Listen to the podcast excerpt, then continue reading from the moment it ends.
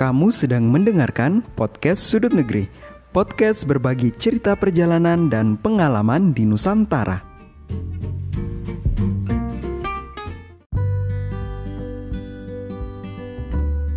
Pada teman saya untuk memperkenalkan diri. Baik, terima kasih. Uh, perkenalkan nama saya Ijut. Saya dari uh, aslinya dari Bandung. Saat ini sedang berada dengan teman saya di sini. Oke, jadi kita ketemu di mana? Ketemu di Waisai. Di Waisai ya. ya. Jadi uh, kebetulan saat ini ya saya tugasnya di Papua dan tepatnya di Raja Ampat di Waisai dan kami itu ketemu di sana karena salah satu teman ya Hmm, komunitas. Jadi kita uh, karena kerjaan saya juga di komunitas apa di literasi, Literasi. jadi uh, mencoba berjejaring dengan komunitas-komunitas yang ada di di Komunitas daerah- lokal gitu ya. Hmm, komunitas lokal. lokal. Nah, salah satunya itu adalah LN LNB. LNB. LNB. Nah, kepanjangannya apa? Lentera Negeri Bahari Oh, Raja Ampat. Lentera. Jadi LNB Raja Ampat biasa. Oh ya, LNB Raja Ampat. Nah, dan Kak Ijut ini, Kang Ijut ya, panggilannya Kang Ijut ya. Ijut aja lah. Oh, Ijut ya. Oke, Ijut eh, ini eh, salah satu anggota dari LNB Hmm. dan asli Sunda, eh, jauh-jauh dari Sunda ke Raja Ampat. Nah, eh, penasaran kan eh, untuk kisahnya? Oke. Nah, jadi untuk topik hari ini kita akan ngomongin ngobrolin tentang self improvement, woi. Self improvement. Jangan lihat dong, ini, ini ke- kelihatan gak profesional. Oke, ya jadi self improvement, maksudnya kayak pengembangan diri kebetulan kan eh, kita juga ternyata setelah ngobrol banyak, ternyata kita banyak eh, ada kesamaan, Eh, terutama sama-sama kuliah di Jawa Timur. Hmm, betul. Hanya beda kota. Hanya beda kota, tapi kan sama ya. Sama-sama Jawa Sama-sama dari luar Jawa. Hmm. Saya Sulawesi, dia Sunda, luar Jawa kan. Iya, bisa ya. jadi bisa jadi. Oke, gitu. Eh, dan juga eh, tentang self improvement ini eh, lebih kepada pengembangan diri pada saat kita eh, menempuh kuliah ya Hmm, kayak betul, gitu. betul. Nah, eh, dari Kak Ijut sendiri sejak kapan sih tertarik dengan kegiatan-kegiatan kepemudaan ini? Jadi eh, sebetulnya kegiatan kepemudaan ini bukan bukan awal dari eh, bukan jel, jel sekarang gini ikut gitu kan. Eh, saya tuh apa dulu kan gini. Dulu itu kan eh, apa namanya? Dia punya adik dua, Hmm. adik masih kecil. Hmm, hmm. Nah, yang adik masih kecil dua itu orang tua itu karena saya dulu kan eh, apa namanya? eh, dikenal sama orang tua itu bisa eh, lebih bisa daripada teman-teman yang lain untuk dalam hal berhitung, membaca lebih bisa lebih cepat daripada teman-teman yang lain. Akhirnya di rumah itu selalu eh cut tuh eh, ajarkan adik adik mana? Adik mana itu kayak eh, ajarkan eh, adikmu untuk eh, belajar gitu kan. Ya udah kayak di rumah paling cuman ade sih ade yang ke yang pertama itu kan masih dekat lah usianya dua beda dua tingkat. Jadi eh, biasa ngajarin dia tuh hitung-hitungan PR-nya dia. Kemudian ketika ada yang tidak had- ketika ada yang sakit tetangga jut pangjieunkeun eh, coba bikinkan surat izin atau surat sakit ke guru. Itu saya dari kecil tuh dari SD itu sudah mulai itu. Kemudian eh, lama kelamaan si adik ini tuh yang adik saya tuh dia bawa temennya ke rumah. Ada yang paling kecil itu juga yang adik saya yang paling kecil dia itu bawa teman mainnya ke rumah yang lihat-lihat gitu kayak lihat-lihat lagi bikin apa gitu kan. Sampai akhirnya mulai banyak banyak banyak di rumah itu pada saat saya kelas 6 SD itu adik saya kelas 4 itu sudah banyak yang di rumah yang ikut Belajar. belajar, di rumah. Itu saya cuman ngajarin kayak 5 tambah 4 9 sama dengan berapa? Eh, ini eh, huruf naon. Ini eh, huruf naon. Disambungkan jadi naon.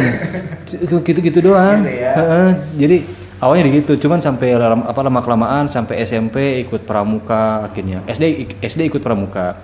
Tapi beda dengan SMP yang mulai mandiri yang mulai disuruh ngajar SD waktu itu. SD yang tempat saya dulu sekolah.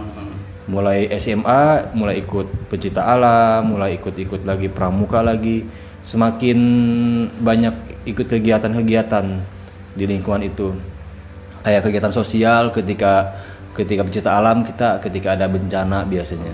Kita bikin kegiatan ini atau ketika ada sesuatu misalkan eh kita bikin kegiatan apa nih yang bisa bermanfaat Untuk ah, orang- untuk orang. orang lain gitu Ternyata pas kuliah tuh kayak aduh kayak kok eh, dunia tuh begini gitu kan kayak waktu itu kok kayak ngerasa monoton gitu. Gi- gini-gini aja gitu kayak jadi volunteer lah jadi ini pas kuliah tuh inginnya itu betul karena karena di Bandung kan eh, dalam pikiran saya waktu itu saya kuliah itu saya menjadi penyanyi kafe atau saya mulai merintis casting casting sambil kuliah ternyata pas kuliah di Jawa Timur tidak ada tidak tidak populer yang namanya penyanyi kafe kemudian apa namanya eh, kelas-kelas acting itu tidak ti- tidak sepopuler di Bandung, gitu.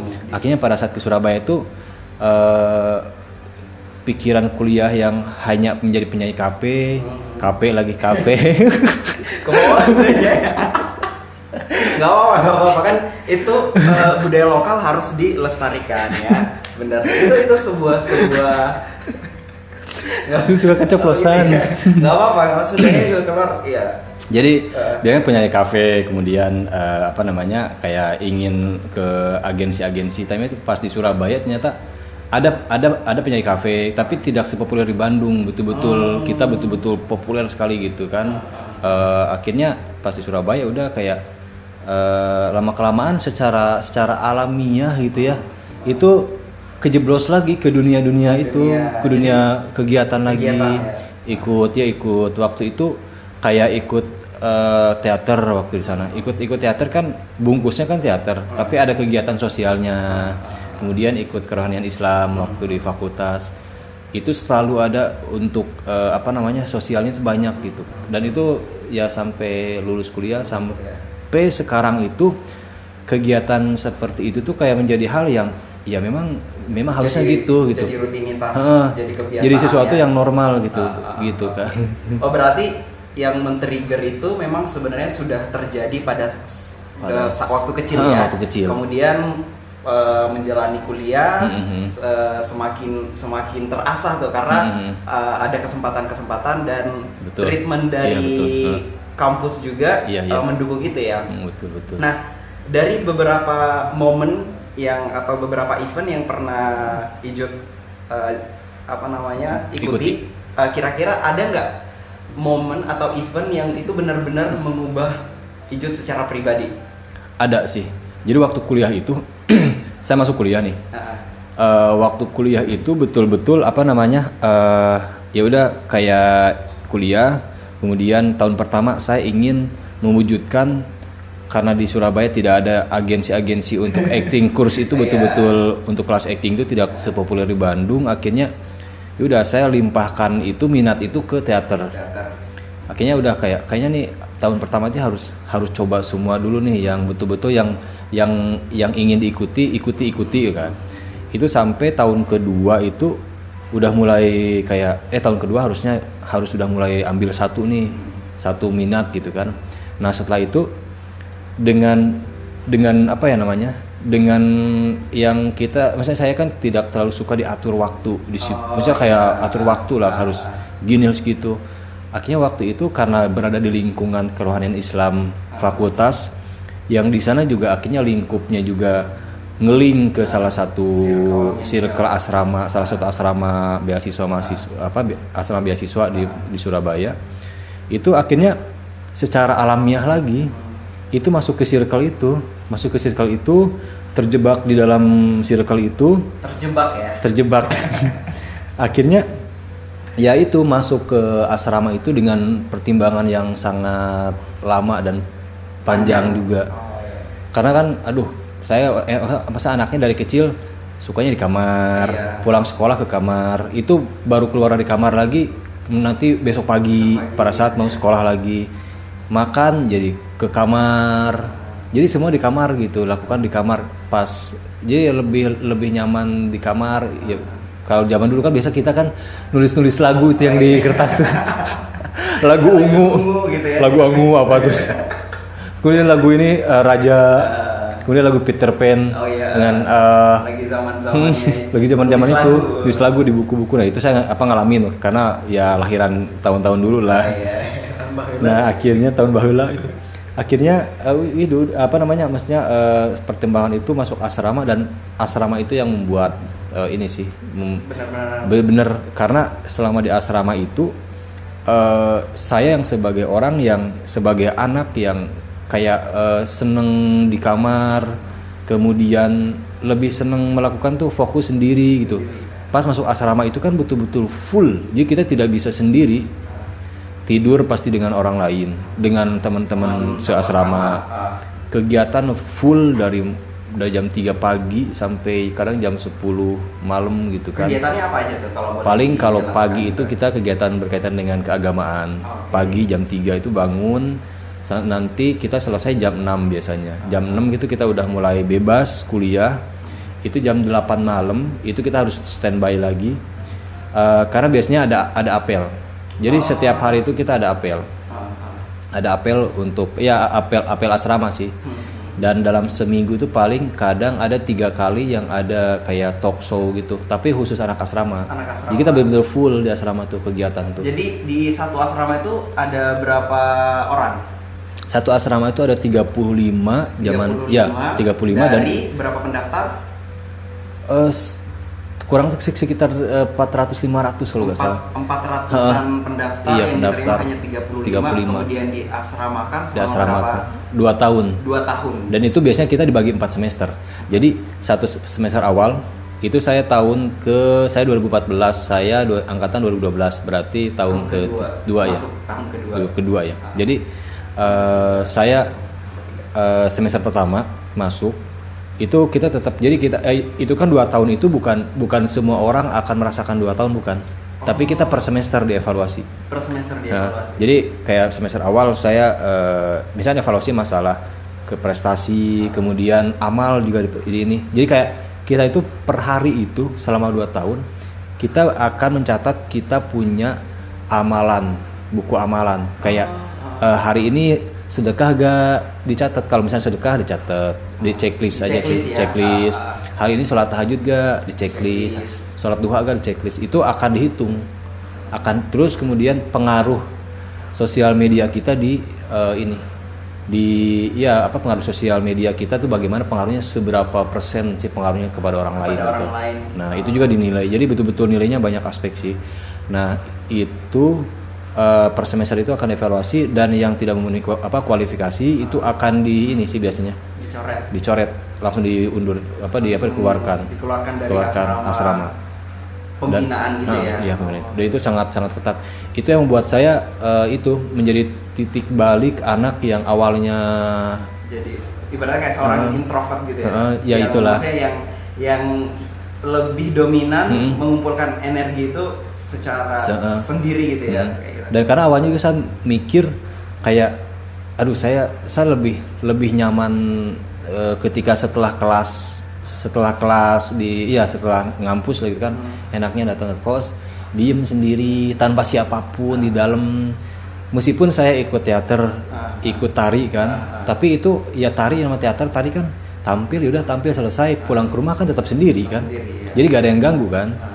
Ta- tapi ketika di asrama kan saya misalkan ke kuliah. Pulang itu tetap ada anak-anak di asrama. Dan di kelas dan di dalam ruangan itu ada yang empat ada yang dua ada yang lima sih. Jadi saya itu selalu kebagian yang empat empat orang dalam satu kamar. Itu kan eh, awalnya berat bagi saya. Tapi lama-lama bisa lama-lama tuh bisa ah, iya, beradaptasi. Sampai di sana betul-betul dilatih bagaimana cara menjadi seorang pemimpin bu- meskipun ki- kita tidak menjabat sebagai ketua. Ketua. Jadi pemimpin itu di sana itu eh, pemimpin itu bukan bukan sekadar sebagai ketua gitu. Bisa jadi seorang staff pun itu dia juga pemimpin. Pemimpin. Bagaimana pengaruhnya dia di dalam satu organisasi tersebut gitu.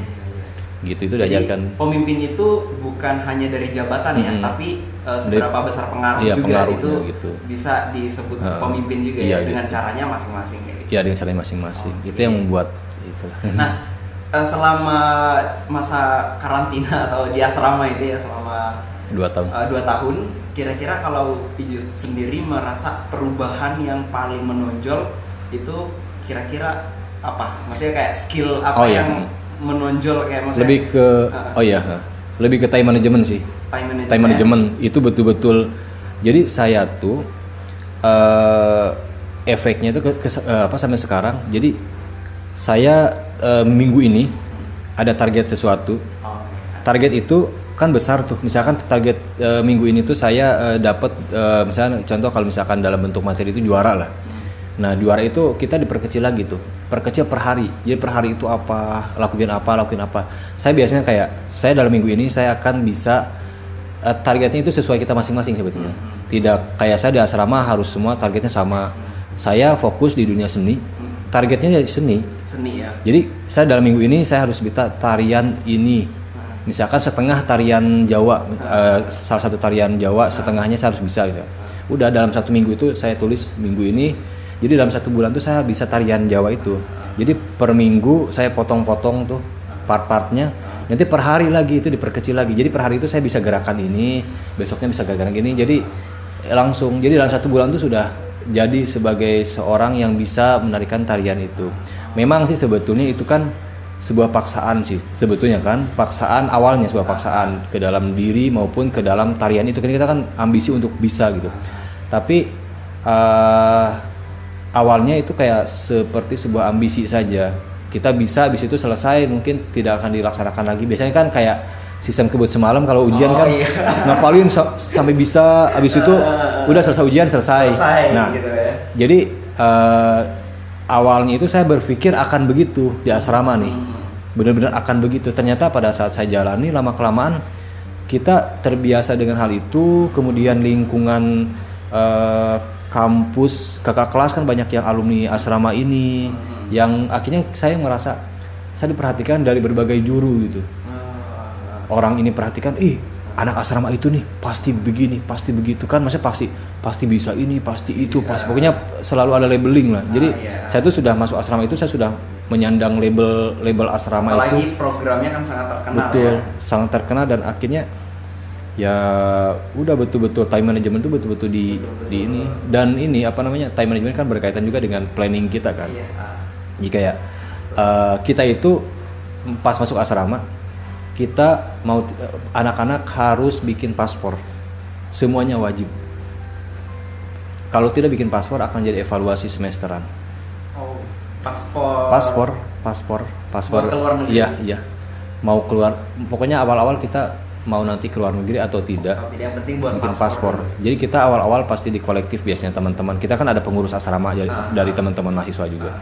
Itu akan bikin paspor. Kemudian eh, awal-awal itu dan kita secara tidak langsung tuh di sana diajarkan bahwa setiap apa pun itu harus betul-betul terplanning dengan baik gitu. Karena eh, perencana yang matang itu ya ya hasilnya juga istilahnya Eksekusinya hmm, juga lebih ter- terarah gitu. iya lebih terarah gitu. Gitu ya. Gitu ya Nah, asrama. dari dari tadi kan dengan time ma- manajemen yang baik, kemudian pernah nggak uh, atau perasaan apa yang muncul ketika target-target itu tercapai dan Hmm. ketika tidak tercapai? Itu perasaan yang muncul apa?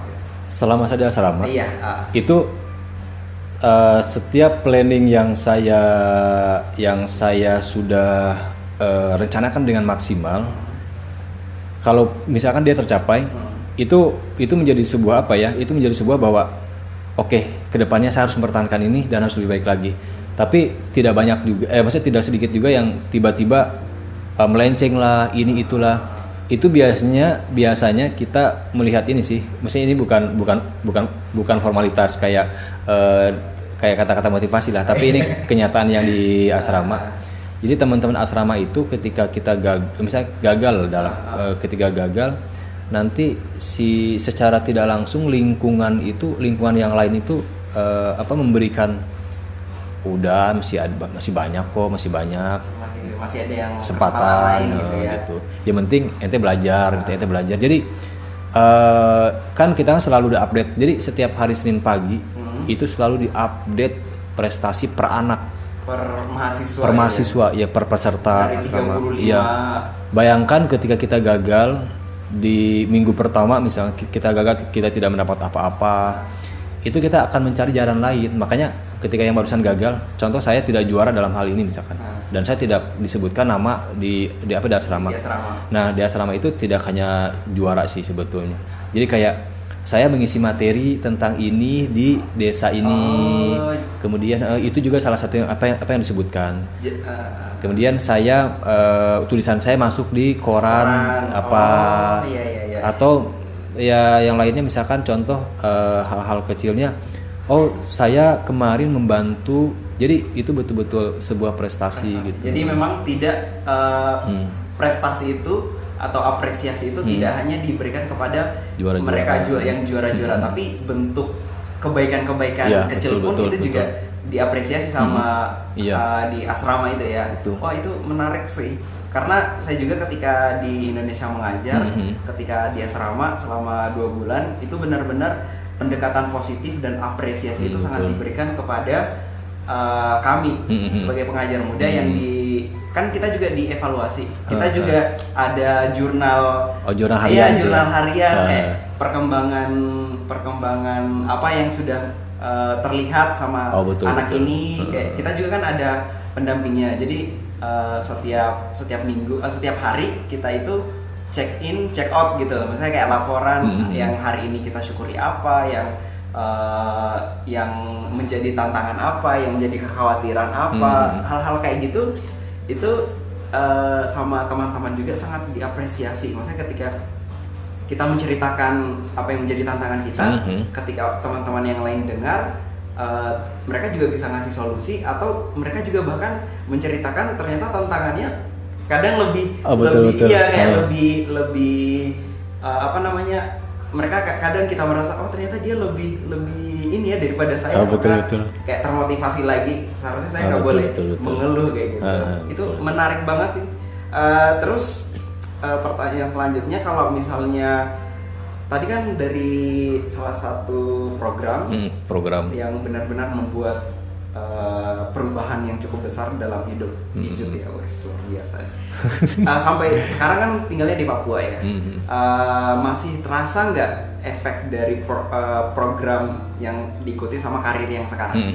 Jadi eh, yang yang apa yang sekarang dan yang akan dilakukan ke depan itu itu menjadi rancangan yang sudah direncanakan pada saat di asrama. ah, Jadi eh, asrama itu eh, setiap anak di asrama itu awalnya kita awalnya kita itu kayak seolah-olah kayak dipaksakan kan dengan keadaan baru nih.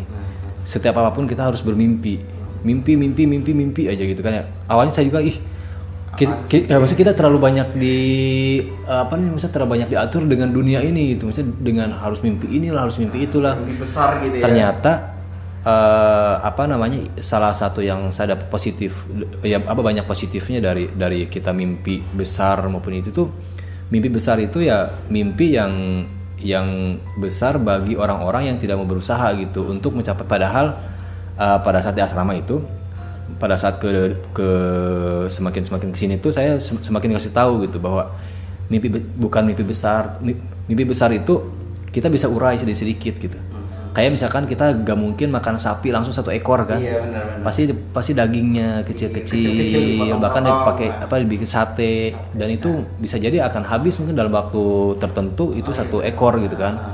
Jadi bukan nelen satu mimpi itu tapi makanya time management itu yang diinikan. Nah itu salah satu yang sekarang saya di sini itu itu juga salah satu ran- rancangan pada saat di asrama gitu. Eh, kayak saya di apa apa waktu di asrama itu eh, kita bikin namanya visualisasi mimpi Oh. itu it- itu semua peserta eh, yang asrama ini itu ada di YouTube itunya oh gitu ya ya ada di YouTube visual bisa diberikan gambaran nggak visualisasinya Jadi, itu mm-mm. gimana jadi mungkin bisa Oke, teman-teman- baik-baik. teman-teman pendengar juga biar uh, bisa merencanakan mimpinya kayak Oke gitu baik. Jadi eh, itu kita pada awal-awal it- pada awal-awal masuk asrama, Asrama. itu kita di- diberikan tugas itu eh, kita membuat visualisasi mimpi kita. Kita akan menjadi seorang apa di tahun tertentu.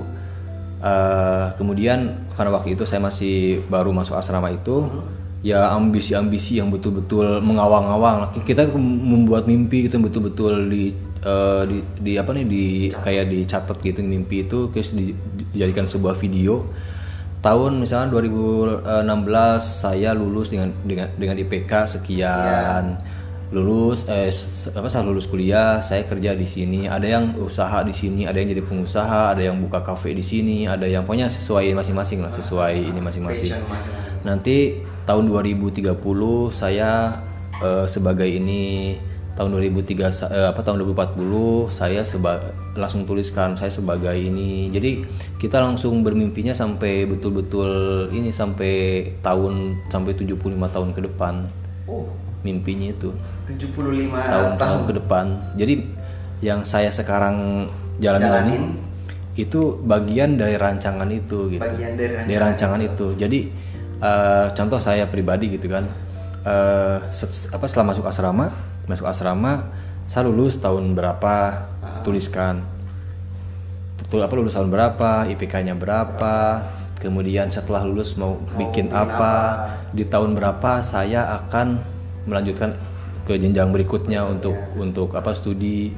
Dan di sana nanti akan saya akan apa? Itu sudah di ini kan.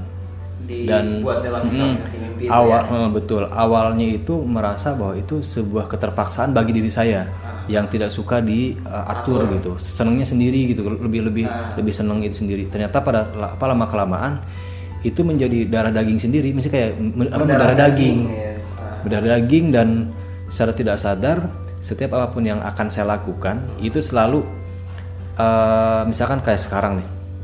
Saya 2017 saya eh, lulus kuliah jangan dulu kerja ke company tapi saya jadi volunteer dulu. Nah itu kan jadi volunteer selama 2 tahun misalkan. Nah itu kan tidak itu kan bulatnya. Bulat yang besarnya yang tidak mungkin bisa ditelan. Realistisnya harus ada juga gitu. Secara ide- ide- apa idealisnya itu. Ah, iya, idealisnya realistisnya itu. bagaimana caranya realistis itu. Jadi realistis itu misalkan contohnya eh, kita tidak mungkin memberatkan secara finansial ke orang-orang yang kita tempat kita mengabdi pertama itu. Kemudian yang kedua ketika kita menjadi volunteer apa yang akan kita berikan? Kemudian apa sih inti dari yang kamu dari cerita itu eh, dari kisah itu apa intinya gitu? Nanti kita betul-betul di, dipertanggungjawabkan.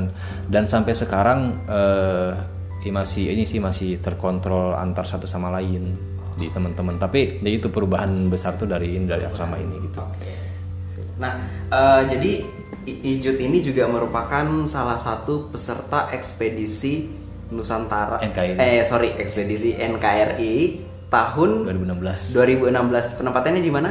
di Sorong Kabu- Kabupaten Sorong dan Raja Ampat Oh, Kabupaten Sorong dan Raja Ampat. Nah, jadi ekspedisi NKRI ini juga sebenarnya merupakan salah satu wishlist saya, tapi yang nggak kecapaian. Nah, sekarang ini saya ada di depan orang yang pernah mendapatkan kesempatan itu. Jadi, eh, nah itu kan tahun 2016 ya. Berarti 2016. itu sudah selesai. masuk kuliah eh, tapi maksudnya untuk eh, program Asrama masih- masih- masih masih. masih jalan. Masih Nah, jalan. berarti eh, itu juga tidak luput dari peran asrama ini Ah, dong. betul betul Oke, nah bisa ceritain nggak program ekspedisi NKRI itu Hmm. eh, melihat apa namanya dari programnya apakah juga ada eh, kesamaan atau Hmm, misalnya hmm. hal-hal yang didapatkan oh iya sebenarnya saya sudah dapatkan pernah dapatkan di Hmm. di Di asrama hmm. dan aplikasinya di sini Hmm. Eh, pernah gitu nggak? Jadi sebetulnya ini kompleksitas sih sebetulnya. Kayak saya ambil jurusan antropologi Oke. yang selalu ke lapangan. Hmm. Jadi setiap setiap mata kuliah itu selalu ke lapangan. Bahkan dalam sebulan itu kita setengahnya di lapangan. Dua minggu di lapangan, dua minggu di kelas. Saya masuk asrama. Di asrama itu kita didukung tidak langsung ke satu jalur saya sebagai antropologi yang harus menjadi ketua-ketua ketua BEM misalkan. Jadi tidak jadi dibiarkan ke jalurnya gitu. Nah, saya membiarkan eh, apa eh, dibiarkan ke jalur eh, apa antropologi ini sampai mempelajari budaya-budaya dan kemudian saya merasa sebagai, sebagai antropologi pada saat masih kuliah dan pada sebelum ma- masuk asrama pun saya merasa bahwa eh, antropologi itu tidak hanya based on eh, buku bacaan teori-teori teori tapi eh, pengalaman ke lapangan. Itu yang menjadi kebiasaan lama-lama. Kemudian karena saking sering yang membaca tentang budaya-budaya akhirnya tertarik. Saya sempat berkeliling-keliling eh, sedikit lah ke beberapa pulau di Indonesia gitu kan. Nah pada saat di asrama itu semakin terdorong.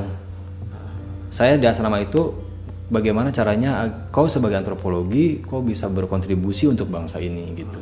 Nah otomatis pada saat itu antara asrama dengan jurusan itu mulai mulai saling mendukung gitu. Bahwa saya sekarang harus semakin difokuskan lagi untuk berkeliling ke Indonesia.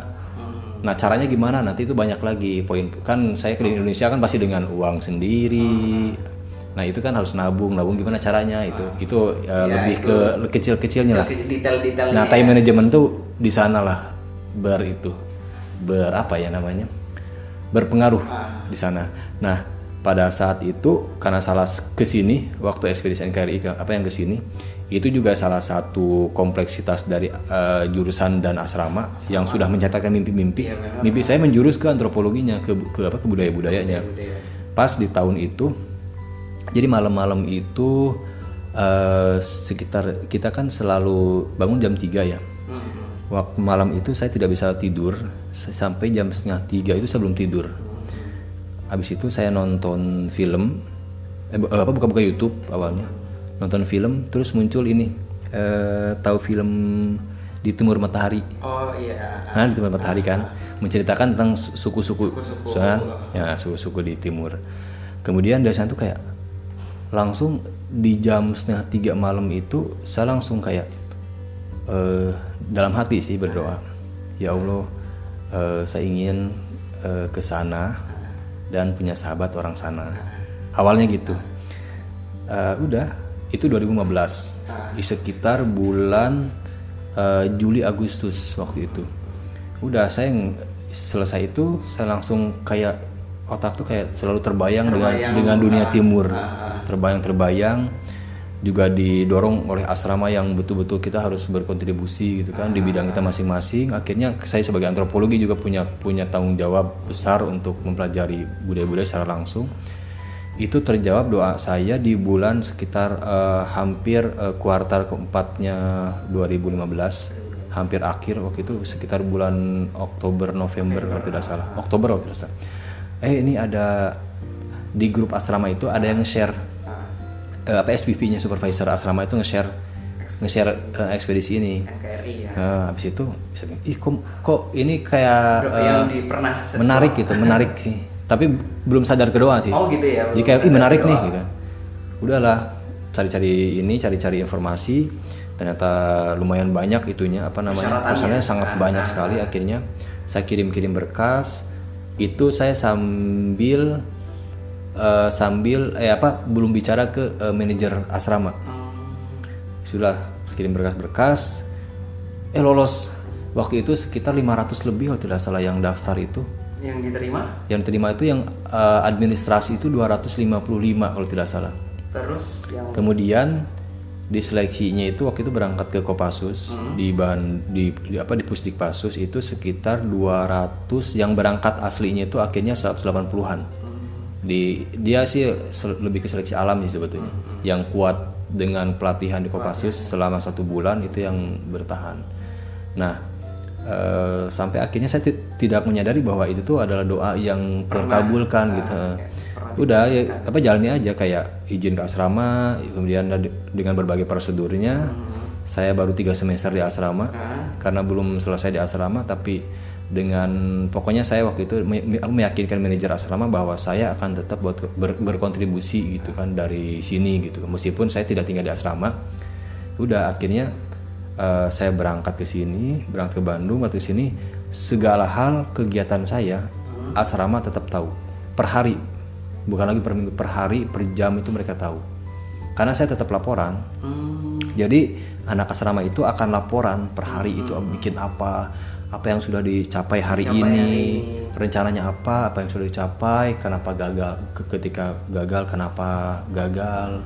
Kalaupun berhasil apakah masih bisa dimaksimalkan lagi? Jadi kita betul-betul di di ini kan di apa nih namanya dituliskan semuanya. Dan itu laporan per bulan laporannya. Bulan ya dan itu tetap laporan kayak eh, saya saya menilai teman-teman yang lain maksudnya menilai secara secara hubungan manusia ke manusia lah. Kita kan ada kayak penilaian ke teman kayak sa- saya menilai 34 anak. Bagaimana dia secara hubungan lebih hubungan antar antar kita lah antar antar Personal. manusia. Oh iya antar personal. Apakah dia di, di asrama itu eh, individual atau dia sering membantu? Itu sesuai kita punya penglihatan sih. Oh iya dari itu kita menilai tetap menilai orang ya. nah saya di luar pun saya tetap tetap memantau tetap memantau Teman-teman yang- ya men- dan itu juga tetap kasih nilai juga ke ke, ke 34 anak itu. Dan lama kelamaan kayak apa pun yang saya record ke asrama itu Hmm. betul-betul menjadi sebuah apa ya bukan lagi merasa tanggung jawab saya tapi merasa ya ya ya memang begitu adanya gitu. Setiap apa pun yang saya lakukan harus ada laporannya ke asrama gitu. Itu asrama tetap tetap diumumkan eh, tetap mengumumkan bahwa saya juga sebagai tetap as- tetap sebagai ang- eh, peserta, Serta asrama, ini. walaupun sudah di Mm, Papua. nah, dan sampai di sini pun saya tetap laporan setiap setiap bulan tetap laporan laporan banyak laporannya. Dan itu tidak merasa banyak sih. Maksudnya kalau lihat awal mungkin kayak ih banyak ya. Tapi dijalani kan per hari ditulisnya. Tulis per hari ditulis per hari. Dan itu pada saat saya di sini itu menjadi salah satu apa namanya rancangan asrama. Misalnya rancangan selama saya di asrama. Kemudian juga di, di- apa didorong jurusan saya itu. Pada saat saya di sini saya merasa bahwa eh, kan proposal skripsi saya itu saya apa mulai nyadar nih pada saat saya di sini. Proposal skripsi saya itu tentang migrasi manusia antara ras manusia di Indonesia bagian barat dengan ras manusia di Indonesia bagian timur. Jika ya betul-betul langsung kok bisa langsung ngeblend nyambung. Saya merasa pada saat di sini proposal skripsi saya tentang itu. Jadi akhirnya mulai mulai terbayang Terbayang gitu ya. terbayang ras eh, subras sih. Nah. Kayak Melayu tua, Melayu muda gitu kan kayak eh, kok kok ngerasa nyambung ya? Maksudnya nyambungnya betul-betul ini ini tuh apa yang akan saya kerjakan semester selanjutnya gitu, deskripsi kan. Ya sudah saya cu- curi start duluan tuh di sini. Akhirnya saya di sini setiap minggu itu pada saat ekspedisi itu kita turun lapangan eh, set- se- apa turun lapangan setiap setiap turun lapangan selesai itu pulang kita akan bikin laporan yang tebal tulisan PPT dan kita akan presentasi di depan eh, kayak militer kayak peneliti kayak mahasiswa yang lain peserta yang lain polisi pokoknya semua elemen itu ada di sini. Dan kita kadang-kadang kita presentasi ke kepala daerah jadi betul-betul serasa ujian skripsi setiap minggu Ujian dan skripsi setiap minggu dan ya. yang nanya kan militer kan Ah, itu kalau nanya kan misalnya betul-betul tegas kan tegas eh, suara kayak ya. eh izin bertanya ini bla bla bla bla." Eh, saya langsung di, apa di tengah langsung eh apa di apa di depan langsung langsung kayak su- su- apa sudah terbiasa ketika di asrama. eh, menjelaskan itu misalnya menjelaskan itu ditanya dengan berbagai oh, dihajar dengan banyak, banyak berbagai pertanyaan yang- ya. dan itu eh, terbiasa karena di asrama begitu Oh. Mm, jadi di asrama itu kita selalu kita itu setiap malam Hmm. itu selalu ada jadwal kita presentasi diri kita sendiri Hmm. di asrama itu dari di asrama itu 35 asrama eh, anak itu akan prestasi apa mimpinya dia apa yang sudah dilakukan bahkan step by by stepnya apa sudah menghubungi siapa, saja, untuk mencapai mimpi, ini. kemudian eh, punya segala hal akan diulik. Dan itu kan eh, memang tidak sekeras eh, di sini. Pada saat dengan militer yang kita di hutan yang betul-betul ini kan betul-betul tantangannya lebih banyak lagi gitu. Dan udah kayak saya tuh ini kan ya jurusan saya juga meneliti budaya. Budaya. yang saya kerjakan di sini juga budaya. Linier gitu ya. linier. Masalah time manajemennya juga asrama time manajemennya sudah dapat di sana dapat di sana tiba-tiba di sini dengan militer. Tidak terlalu. Tidak terlalu kaget. kaget. karena sudah terbiasa di asrama gitu Ah, kayak kayak kita acara jam 8 jam 7 maksimal kita harus sudah siap. Kita eh, ada acara di luar kota jam 12 misalkan. Luar kotanya misalkan kayak Surabaya sidoarjo lah yang cuma dekat gitu kan. Itu kita bahkan dua jam itu kita harus sudah jalan bet- betul-betul harus sudah ini jadi kita akan meluangkan waktu satu jam untuk hal-hal yang tidak terduga biasanya gitu. Kadang kita mau acara di asrama pun kita akan meluangkan waktu untuk hal-hal yang apa yang tidak terduga kadang-kadang ketika kita mau ini tiba-tiba pas kita jalan celana sobek lah jas kita ternyata belum disetrika lah atau misal apa pun. Kadang kan kita kan eh, selalu ini ketika mau jalan aduh eh, sepatu saya lupa di eh, jemur misalkan. Jemur, ah, itu kita selalu satu jam itu selalu diluangkan untuk hal-hal yang tidak terduga. Makanya itu terbiasa dari asrama sampai pas dengan militer. Itu betul-betul on time sangat-sangat on time. Itu udah kayak oh, biasa aja gitu. Paling yang lainnya sih paling lebih ke fisik sih. Fisik ya. Yang lumayan itunya. Fisik juga sebetulnya tidak terlalu kaget karena eh, kita di asrama kan memang ada ada pelatihan fisik juga ya Ki- kita kan wajib taekwondo ya wajib apa wajib taekwondo jadi gitu Oke. Nah, jadi eh, kalau di asrama kan time management dan itu juga Mm-mm. ibaratnya kayak cukup membantu ketika Hmm, betul, ketika Ijut Ikut di IP-nya, ekspedisi, ekspedisi ya, NKRI betul. yang mana Iya. eh, itu pertama kali ke Papua atau sudah? Hmm, hmm, Itu pertama kali ke Papua ya. Itu pertama kali ke Papua. Nah, eh, ini kita jangan apa namanya? eh, selain dari asrama, Hmm, maksudnya hmm, ketika mengikuti program kepemudaan atau program di luar itu kan bukan program Hmm, hmm. kuliah ya, maksudnya Betul, betul, itu betul, lebih betul. kepada program yang kita cari dari betul. luar, Iya, nah, yang betul, kita betul. dapatkan dari luar. Nah, itu selain time management, apalagi yang kira-kira dari uh, skill kepemimpinan yang Ijo sendiri rasakan cukup berkembang ketika uh, di ekspedisi NKRI. gitu? Oke. oke adaptasi adap- sih Adaptasi. oke. adaptasi jadi eh, pada saat saya di asrama itu kita selalu dihadapkan pada situasi-situasi yang kadang-kadang eh, apa ya namanya aduh gimana nih aduh gimana nih jadi kita kita ketika kita bilang tidak bisa kita akan ditampilkan sebagai orang yang tidak, Tidak bisa, bisa. Eh, eh Jud misalkan di asrama ya Nah. Eh, Jud coba perse- eh, kamu presentasi ini lu tidak bisa nah kalau bilang tidak bisa Eh. udah itu akan yang akan kita tampilkan sebagai orang yang tidak bisa dan dan ya mau apa mau, mau gak mau kita tidak mungkin tampil dengan tidak tidak mungkin apa mempermalukan diri sendiri kan Iya, benar. kita pasti tetap berusaha akhirnya Ah. itu yang pertama jadi eh, itu sih paling yang oh iya, apa yang lainnya itu lebih ya itu kan apa adaptasi kan Ah. adaptasi itu yang betul-betul eh, jangan kita bahwa tidak bisa gitu. Itu selalu dibilang intinya jangan excuse terhadap diri sendiri gitu. Jangan merasa kita dari kampung. Kita tidak bisa komputer ah tidak apa-apa karena jasa dari kampung. Eh, jangan excuse. Jadi selalu ditekankan sama eh, apa sama manajer.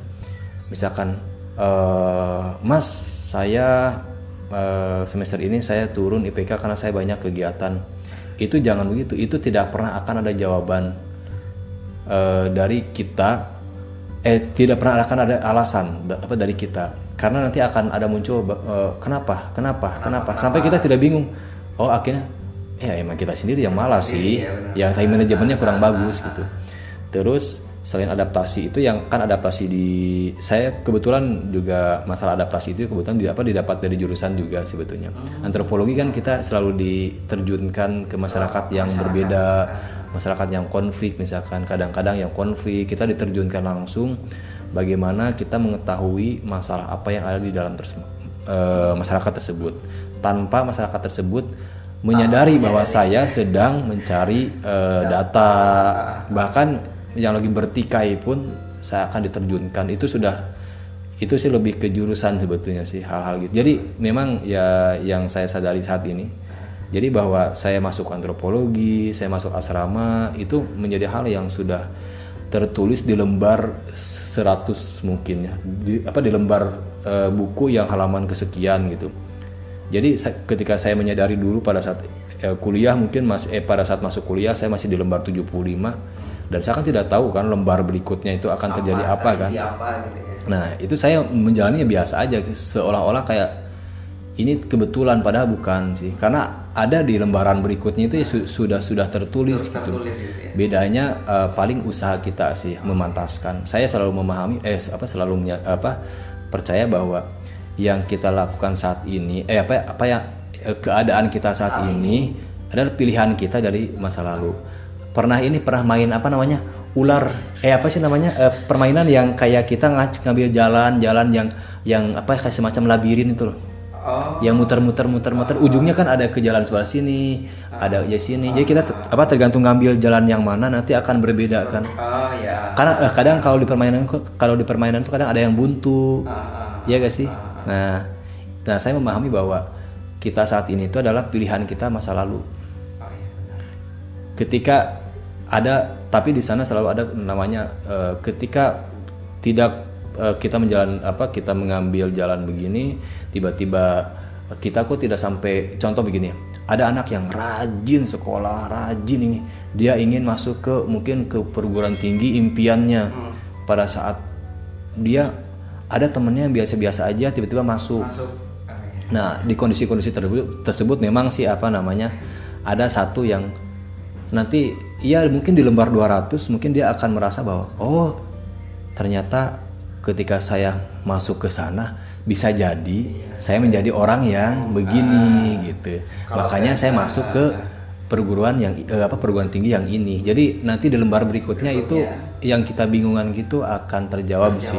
Nah, itu terma eh, itu juga apa ada, ada apa adaptasi itu. Jadi saya merasa bahwa adaptasi yang saya di sini itu itu tidak terlalu eh effortnya tetap ada sih setiap setiap effort tapi eh, memang sudah ada apa dasar-dasarnya di antropologi kemudian di asrama kita harus betul-betul eh, ini ketika di asrama ketika kita ditanya kenapa begini? Kenapa begitu? Kita akan terus beradaptasi menjadi orang-orang yang hari ini saya excuse. Iya karena saya kehujanan. Besok tidak bisa lagi bilang "Sa- karena saya kehujanan. Ada jas hujan. Akhirnya saya beradaptasi menjadi seorang yang eh, tidak bisa satu saklek sa- satu jalan satu saklek ini dan ini menjadi alasan gitu. Jadi alasan. itu harus banyak jalan dulu kita coba adaptasi menjadi lingkungan yang adaptasi menjadi gagal adaptasi menjadi orang yang mungkin terkocilkan adaptasi. Dari sanalah kita akan tahu jalan mana sebetulnya yang tidak buntu. Oh, iya benar. kalau jalan kalau kita hanya hanya coba satu, jalan dan buntu dan kita merasa kita tidak bisa nah kita belum coba jalan yang lain bisa jadi ada ada jalan yang bisa. Dan justru kalau eh, pernah nonton bi- apa benteng Takeshi? Oh iya. ketika dia nobro- nerobos pintu blok. Ah, yang adegan dia nerobos pintu. Ah, ah, ada yang pintu bisa nerobos ada yang pintu yang betul-betul tidak bisa. Ya di benteng Takeshi kan ada kan? Gitu. nah itu tuh yang saya lihat dari dari peserta itu tuh kayak gitu. Itu kayak yang kita lakukan secara eh, secara tidaknya eh, secara tidak kelihatan sebetulnya jadi kalau benteng kan secara fisik kan dia nubruk eh, pintu satu kali dia tidak ini dia pasti ke pintu sebelum apa sebelahnya Selainnya. nubruk lagi, nubruk lagi sampai dia Benar-benar nerobos. Nah itu itu adaptasi yang saya di asrama itu betul-betul adaptasi ke itu sih, adaptasi ke hal-hal yang eh, saya tidak boleh menyerah oleh satu kondisi, gitu. Dan sampai di sini adaptasi itu yang betul-betul saya bawa gitu. Ketika saya di sini tidak bisa ini, ada lagi yang lain. cari cara yang Bagaimana lain ya. cepat beradaptasi gitu dengan keadaan kita kan kadang gagal, murung, eh, larut, akhirnya putus asa. Nah, itu bagaimana caranya ketika saya gagal, saya adaptasi lagi, set. Jadi kayak set lagi, kayak betul-betul lebih ke ini sih dalam ini kayak move on, move on harus beradaptasi lagi menjadi seseorang yang begini, betul-betul. Jadi kita tapi tetap dengan itu sih dengan rancangan yang kita ini mimpi. Bukan berarti kayak adaptasi gitu kita gagal di dunia. Misalnya gagal ini kita mencoba yang lain atau gagal kita peruntungan. Ah, misalnya kayak gitu-gitu. Itu tidak tapi kita tetap ada target gitu dan adaptasi. Paling oh ya yang lain itu eh, kita harus merencanakan sesuatu yang matang. Perencanaan yang matang. perencanaan yang matang. Itu yang eh, selalu ditekankan eh, di asrama sih sampai sekarang. Jadi eh, asrama itu maksudnya bagi saya itu betul-betul banyak sih itunya dan itu sampai sampai waktu ekspedisi itu perencanaan itu ternyata dipakai sangat-sangat dipakai karena kita saya sebagai tim leader eh, saya sebagai leader waktu itu pada saat penelitian sebagai leader itu saya harus memutuskan eh, tempat mana dalam waktu sekian bulan yang akan dikunjungi dan saya belum pernah ke tempat, Ke itu. tempat itu. dan saya harus presentasi kenapa, akan ke tempat, itu? Dan akan apa yang akan dilakukan? Nanti akan ketemu siapa saja. Nah itu kan harus adaptasi Iya, harus betul-betul kita betul-betul eh, ini oh iya caranya gimana ya? Nah kita pasti cara karena di asrama kan pernah di pernah diajarkan. Diajarkan. meskipun tidak secara langsung oleh manajernya harus begini ya tidak.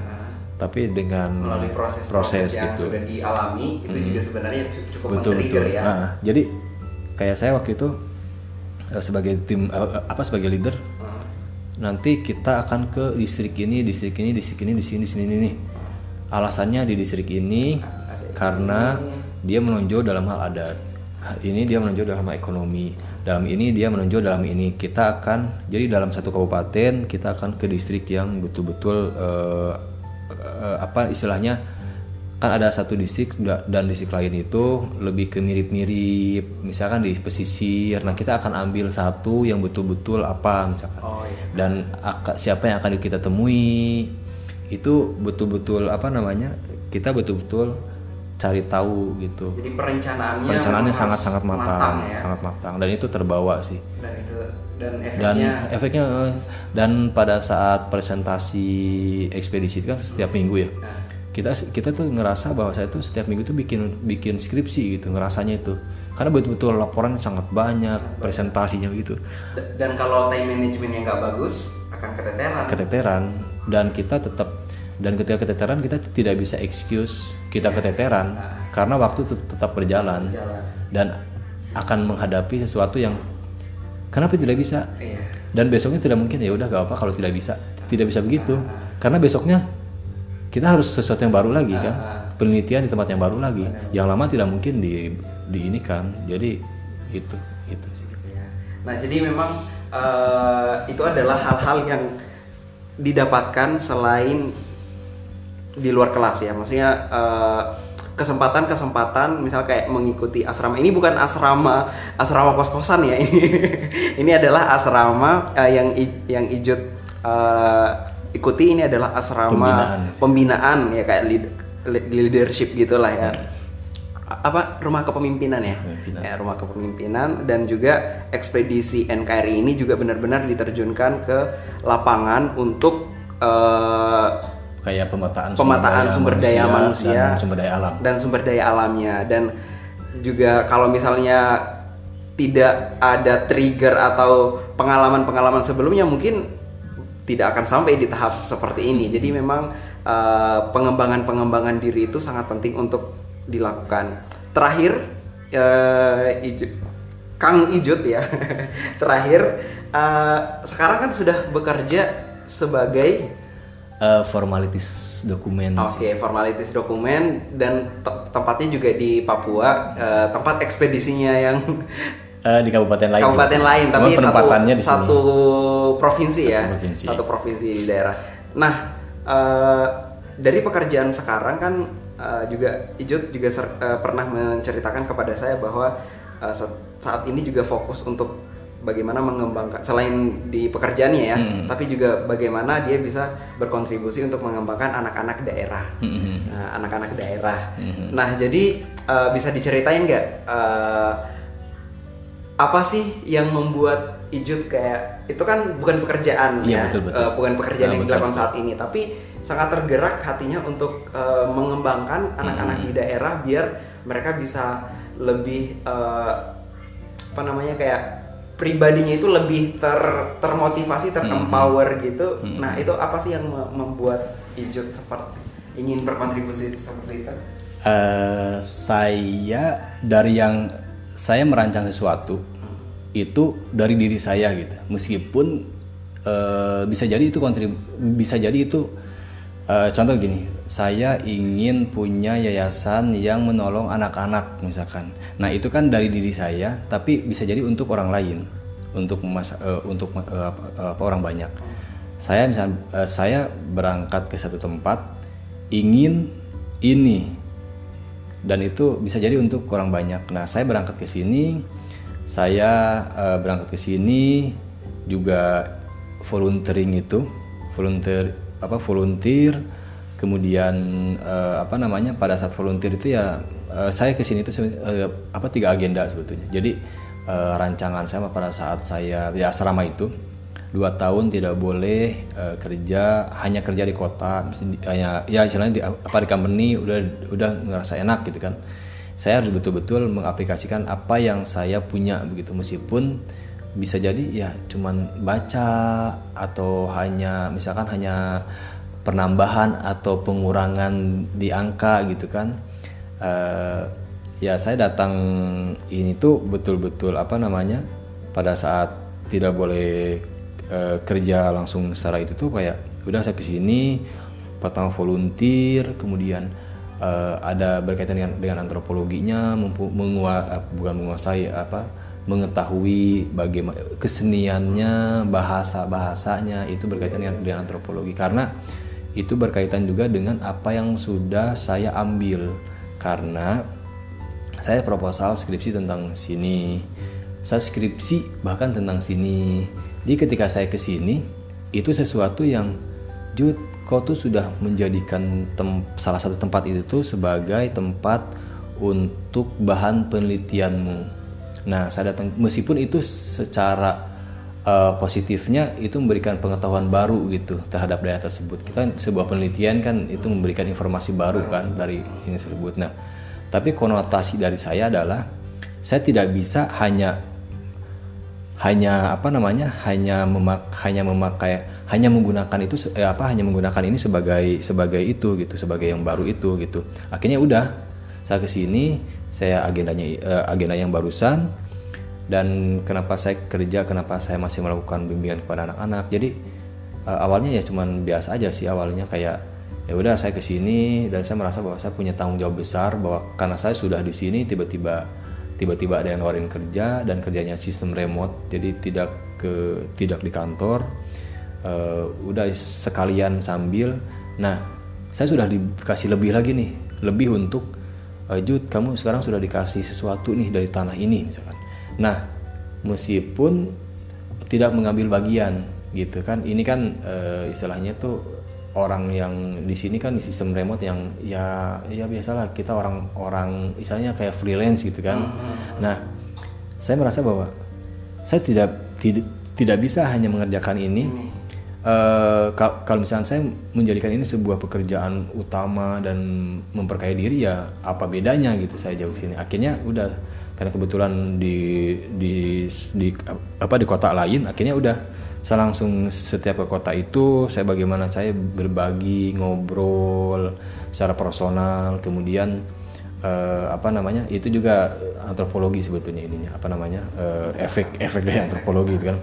Kemudian saya merasa bahwa kontribusi ini jangan jangan sampai saya memperkaya diri. Akhirnya eh, saya punya saya punya uang yang dihasilkan dari dari freelance dari dari freelance ini tuh eh, kadang untuk komunitas yang di Raja Ampat. Jadi itu kan masih pakai uang pribadi. Jadi betul-betul pakai udah dengan teman komunitas. Kemudian yang lainnya itu saya pakai me- saya salah satu impian saya adalah bahwa ada komunikasi di berba dari beberapa eh, suku ada komunikasi dari beberapa pulau komunikasi. Jadi bagaimana cara mencintai sebuah daerah itu ti- tidak bisa eh, per per pulau gitu tapi semua semua, gitu bersatu gitu. Bahkan bagaimana caranya saling mengenal antara satu, Satu pulau, pulau ini dengan- pulau-pulau iya, pulau dan bahkan kan. kawasan ya, Raja Ampat kan pulau-pulau. Nah, bagaimana caranya saya ingin menyatu bukan menyatukan ininya tapi lebih kepada memper mengenalkan ya mem- memfasilitasi untuk mereka kenalan Ketemu, gitu. ketemu dan kenalan gitu kan ya, ya, satu jam. Oh. Dari, dari tadi. kedua oke baik baik baik. Lanjut sampai gak fokus sama waktu. Saking asiknya. Jadi eh, apa namanya saya merasa bahwa eh, salah satu impian saya adalah ya bagaimana caranya agar anak dari berbagai pulau ini saya menjadi fasilitatornya sebatas fasilitator ya. Bukan saya yang berperan sebagai eh, leader Intervensi, intervensinya. terlalu Eh, dalam tapi saya sebagai nanti apa yang mereka obrolkan itu yang ngalir aja dulu gitu. Ngalir aja dulu mau ngopi-ngopi aja dulu mau kumpul-kumpul aja dulu mau tidur-tidur sama-sama saja silakan dulu ngumpul-ngumpul dulu. Nah nanti lama kelamaan menjadi sebuah yang nyaman sebuah sesuatu yang ih seneng kenal dari ini. Mulai kita kita bukan bukan bukan berperan nanti pada saat di perkumpulan di perkumpulan itu bukan berperan pada saat eh ayo kita kumpul yuk kita ngomongin itu. Bukan. Tapi lebih kepada eh kalau di daerah utara begini kalau di selatan bagaimana ya? Nah jadi lebih kepada melemparkan isu gitu. Dan mereka yang akan eh, berdiskusi gitu. Itu dalam lama kelamaan eh, saya bawa orang yang saya kenal yang berkontribusi sesama anak Papua juga yang dari daerah lain.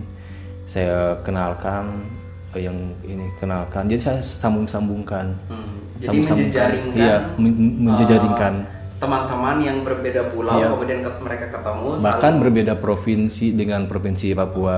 Ber- apa ber- mereka ada yang dari ya jadi apa namanya eh, saya merasa bahwa eh, yang saya dap ini sebetulnya yang saya dapatkan dari sebuah eh, doa dalam hati saya waktu dulu 2015 itu yang di sepertiga malam itu itu menikung di seperti itu itu yang lagi viral. Aduh boleh kita sama ya? Jadi eh, apa namanya?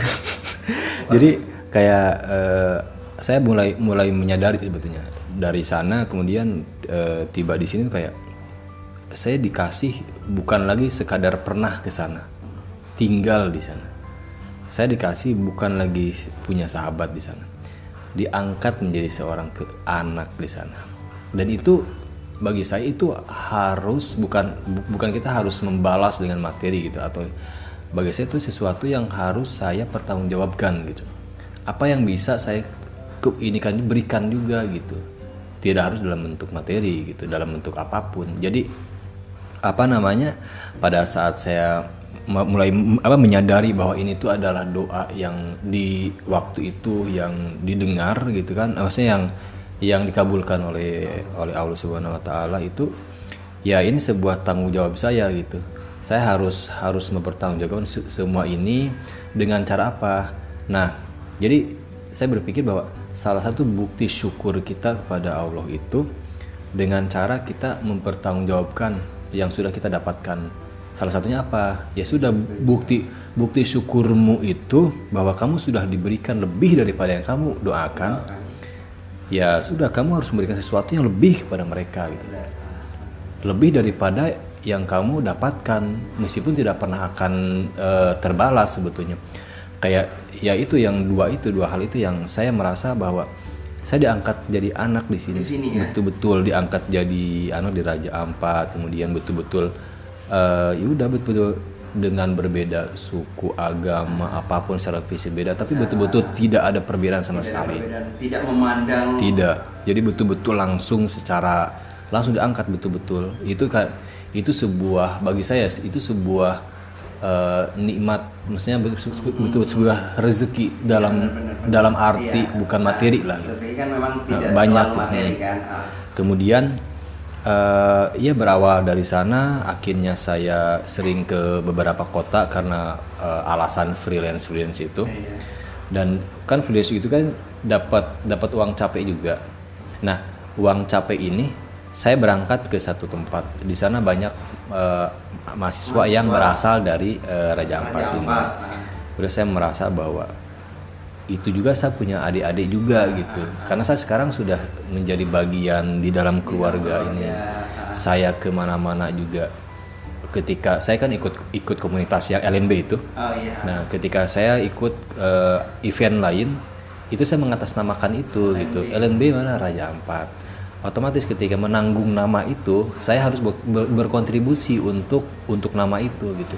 Ketika saya ke tempat lain ke kota lain saya masuk ke lingkungan asramanya kemudian di sana gimana sih maksudnya kita eh, doa yang dikabulkan oleh oleh, oleh Allah yang lebih daripada yang kita Yang doakan kita dulu. yang kita minta ya. Ya itu saya benar-benar benar-benar tahap tahap benar-benar tahap-tahap bersyukur itu bagaimana? Saya berhubungan baik dengan teman-teman di asrama eh, karena saya lebih saya merasa bahwa eh, apa namanya ngomong personal itu lebih lebih selalu dapat daripada depan orang banyak. Kalau saya pri- eh, apa, pribadi jadi lebih lebih nyaman langsung personalnya. Iya personal personal ya, jadi ke- secara personal nah pada saat apa secara personal ini saya mulai ngobrol ngobrol bukan saya dari mana saya sudah lakukan ini tapi eh bagaimana hari ini? Bagaimana kuliahnya? Bagaimana eh, tadi malam eh, atau lagi sibuk apa? Nah jadi lebih kepada kayak kita ke anak TK sih kayak eh eh, bagaimana tidurnya? Eh, atau bangun tidur misalkan dia bagaimana tidurnya? Enak Eh, enak mah tadi ya, ya, gitu gitulah hal-hal kecil. Hal-hal kecil sederhana Ah, kayak gitu, sederhana. tapi dampaknya Mm, saya mulai berawal dari itu. Lagi sibuk apa atau eh, gimana kuliahnya? Oh mata kuliah apa yang ya, hal kecil sih hal yang receh sebetulnya. Kuliah apa sih yang apa yang aku suka? Ini kak saya suka kuliah ini. Ceritakan kak saya tidak tahu kuliah apa, apa, apa mata kuliah itu. Nanti dia bercerita yang dia suka yang dia gitu suka Nah, saya menjadi pendengar yang baik. Menyik- eh, nanti ada di scene-scene tertentu yang bukan coaching sebetulnya lebih kepada apa ya? Mulai teman, masuk. teman cerita, Ah, teman-teman. teman cerita. Ah, ah. Jadi le- lebih ke mulai masuknya itu di teman cerita. Jadi nanti ya jadi meskipun saya pernah kuliah bukan berarti saya pernah ta- eh, lebih tahu Lebih lah, tahu bukan berarti. Tapi ah. lebih ya udah saya menjadi seorang yang teman ceritanya dia. jadi tidak ada kesan menggurui ya Mm-mm, gitu. Jadi eh, apa namanya? Itu yang saya lakukan di kota lain itu. Kemudian ke, ke- biasanya saya selalu akan sempatkan pulang ke Raja Ampat, kemudian eh, untuk pulang ke rumah karena sekarang jadi rumah. Kemudian komunitas kebetulan karena ik- eh, apa ikut apa ikut komunitas ini, jadi ini juga salah satu ladang saya untuk eh, buktikan bahwa kamu tuh sedang bersyukur juga gitu. Bahwa kamu tuh itu bersyukur juga gitu terhadap yang sudah dikasih juga di di ya nama kota ini gitu. Eh, otomatis ya udah apa pun yang saya dapat secara materi itu yang akan saya keluarkan juga. Saya dapat dari free- freelance saya, saya- eh, ya saya dapat uang capek uang capek itu yang saya selalu alokasikan gitu untuk ini. untuk kegiatan. Jadi kalau bilang, Jud uang capekmu mana?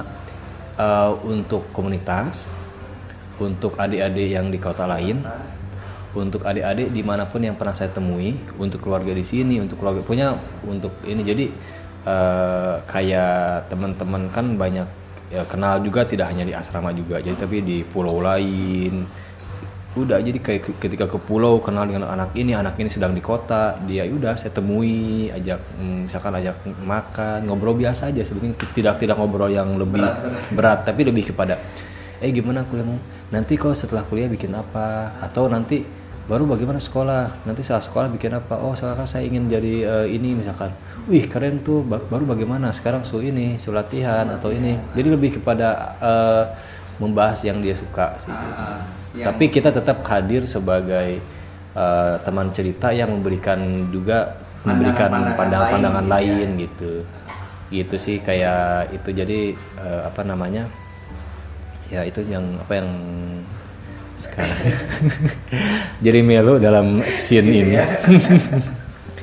ya karena itu ya saya merasa bahwa yang saya doakan tuh hanya ya hanya itu gitu. Tapi yang dikasih itu lebih daripada Lebih itu. itu. bahkan ya ya sampai detik ini pun saya belum bisa bersyukur secara maksimal maksudnya saya merasa bahwa saya masih belum secara maksimal nih. Saya pasti bisa secara maksimal dan harus gitu. Harus saya bersyukur. Itu ya itu dengan apa mem- apa dengan cara membalas kebaikannya ya d- lewat-lewat inilah lewat. makanya salah satu mimpi saya itu saya punya eh, tadi itu yang men- menjejaringkan. Menjejaringkan. alhamdulillah sekarang eh, kenal dengan tokoh-tokoh pem- pemuda-pemuda di sini. Kemudian saya mulai jejaringkan satu persatu. Kemudian ada ada salah satu event di provinsi. Eh, saya betul-betul ajak ajak semua anak-anak dari berbagai eh, daerah. Ajak karena tugas saya adalah di sana sebagai eh, istilahnya sebagai pembimbing sih bukan sebagai yang akan menonjol. Saya dikirim ke sana Jud sukseskan acara ini. Saya datang ke sana ketuanya bukan saya sekretarisnya bukan saya semuanya bukan saya. Saya di sana sebagai apa? Ini teman-teman misalkan kak eh, saya pusing misalkan bagaimana caranya eh, menjadi seorang sekretaris misalkan. Atau bagaimana caranya saya mengatur ini. Nah saya hadir dalam itu. Eh eh, misalkan anak bendahara. Ah, ah. eh saya dulu tuh pernah bikin ini begini. Coba kita sama-sama belajar. Jadi betul-betul masuk ke satu eh ke per seksi gitu. Ke ke bagian ketuanya iya ke divisinya juga iya gitu. nah pada saat di akhir itu waktu itu sempat ada event itu yang ketuanya ini pun semuanya pada saat di salah satu event itu itu semuanya menonjol gitu anak-anak.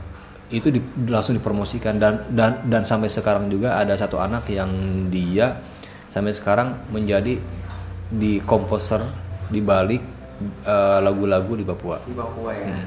dia dia dia salah satu komposernya.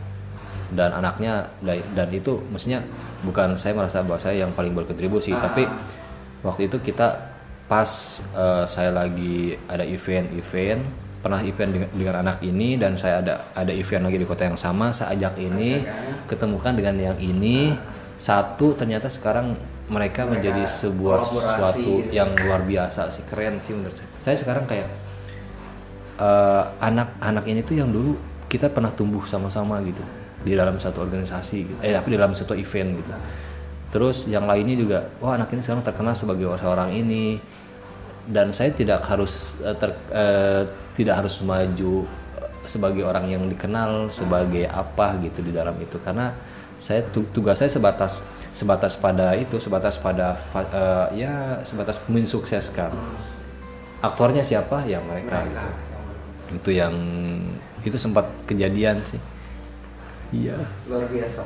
Nah, jadi eh, itu dia sih sebenarnya teman-teman salah satu dari manfaat dengan kita mengikuti berbagai kegiatan-kegiatan eh, apa namanya kegiatan-kegiatan kepemudaan ataupun yang sifatnya itu membuat eh, pribadi kita menjadi lebih baik. Jadi kayak ada self improvement dan tentunya itu bukan hanya kita yang merasakan. Nah, seperti tadi yang Ijuk ceritakan sebenarnya lebih kepada pengalaman-pengalaman pribadinya yang kemudian dia terapkan kepada anak-anak yang dia temui di Raja Ampat ini. Jadi eh, karena Ijut ini sudah mengalami eh, pahit manisnya, eh, mungkin lebih banyak manisnya ya. pahit manisnya dunia perkuliahan kemudian sekarang juga sudah bekerja dan eh, sehingga hal itu juga yang me- membuat dia ingin berkontribusi dan itu juga sebagai bentuk syukur Ijut eh, kepada Allah karena telah memberikan apa yang bahkan itu di luar maksudnya di le- melebihi apa yang eh, dia minta. Oke, Ijut eh, closing statement nih eh, terkait dengan self improvement ini yang benar-benar apa sih pesan-pesan untuk eh, anak muda di Indonesia eh, terkait dengan self improvement ini untuk Ijut sendiri Oke. seperti apa? eh ada ada ada beberapa orang yang apa yang kadang bertanya kepada saya begini, Jud, kenapa kamu tuh seolah-olah eh siapa pun yang bicara kamu akan dengar seperti kamu tertarik sama orang itu, dan kenapa selalu kamu betul-betul orang orang bahkan orang baru pun menganggap kamu tuh adalah teman lamanya gitu. Saking kamu selalu menserve menserve itu betul-betul eh, maksimal gitu.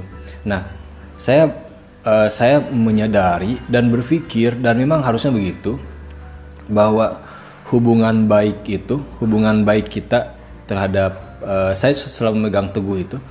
Kita itu sebagai manusia harus berhubungan baik kepada Tuhan. Dengan cara apa? Dengan melaksanakan kewajibannya kemudian meninggalkan larangannya. Yang kedua eh, kita harus dengan sesama manusia juga gitu. Dengan cara apa? Kita berhubungan baik dengan manusia. Banyak contoh banyak sekali eh, aspek-aspek yang bisa nilai-nilai yang bisa kita jalankan ya salah satunya menghormatinya saling menghormati saling menyayangi saling apa pun yang- ada dalam kebaikan-kebaikan itu. Kemudian kita juga harus berhubungan baik dengan alam gitu.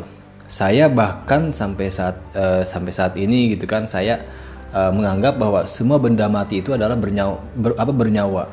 Ketika saya membuang sampah ke tempat yang lain saya akan kasihan kepada sampah itu karena dia tidak dia tidak dibuang ke tempatnya gitu. Dan dia akan menangis ketika ketika dia dibuang ke jalan misalkan. Dia akan menangis gitu. Saya kayak benda ketika benda itu ak- ak- akan akan saya rawat dan saya anggap bahwa dia itu bernyawa gitu. Itu hubungan baik terhadap eh, alam. Salah satunya alam itu kan ada ada tumbuhan yang hidup ada hewan yang hidup ada juga benda-benda mati itu nah yang yang hidup-hidup itu akan saya betul-betul eh, jaga juga gitu. Eh, karena ketika kita menjaga benda mati itu bisa jadi juga eh, apa namanya berpengaruh juga kepada benda-benda yang eh, kepada yang hewan yang hidup hewan-hewan yang ya, ya apa hewan-hewan yang ada di kita gitu. Jadi ya konsep ini kan juga memang ada juga di apa di dalam agama juga gitu kan kalau di agama Hindu kan dengan terkenal dengan uh, Trihita Karana gitu kan. Jadi konsep eh, hubungan baik kepada Tuhan kepada sama manusia dan kepada alam gitu. Nah itu yang eh, prinsip ya bisa jadi teman-teman juga bisa eh, memakai prinsip ini dalam hidupnya gitu. Jadi kita harus imbang betul gitu. Oke, nah wah eh, ini udah satu jam lewat 15 men 15 menit. Wah ini asik banget ya ngobrolnya.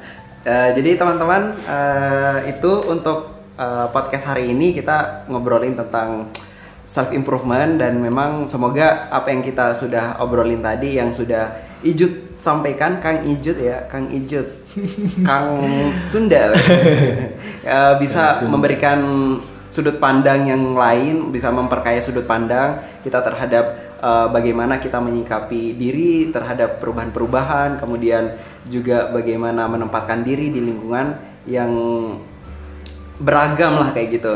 Eh, dan juga ini kaitannya dengan self improvement pengembangan diri. Jadi eh, sangat penting juga untuk bagaimana kita bisa mengembangkan diri bukan hanya eh, di dalam kelas tapi juga lebih banyak mencari di luar-luar kelas. Karena p- ada sebuah istilah kalau IPK itu 4 maka 96-nya itu ada di luar. Wow keren, saya baru tahu. Keren ya. Kalau saya IPK-nya itu saya cuman ah gitulah pas-pasan berarti Jadi kalau dari besar dari ya. 100 IPK 4 itu 9 eh, di dalam lingkungan akademik eh, di luarnya itu 96 nilainya. Iya, iya, betul betul betul betul sih. Oke, terima kasih. Eh, sampai jumpa di episode selanjutnya di Sudut Negeri. Assalamualaikum warahmatullahi, Warahmatullahi wabarakatuh.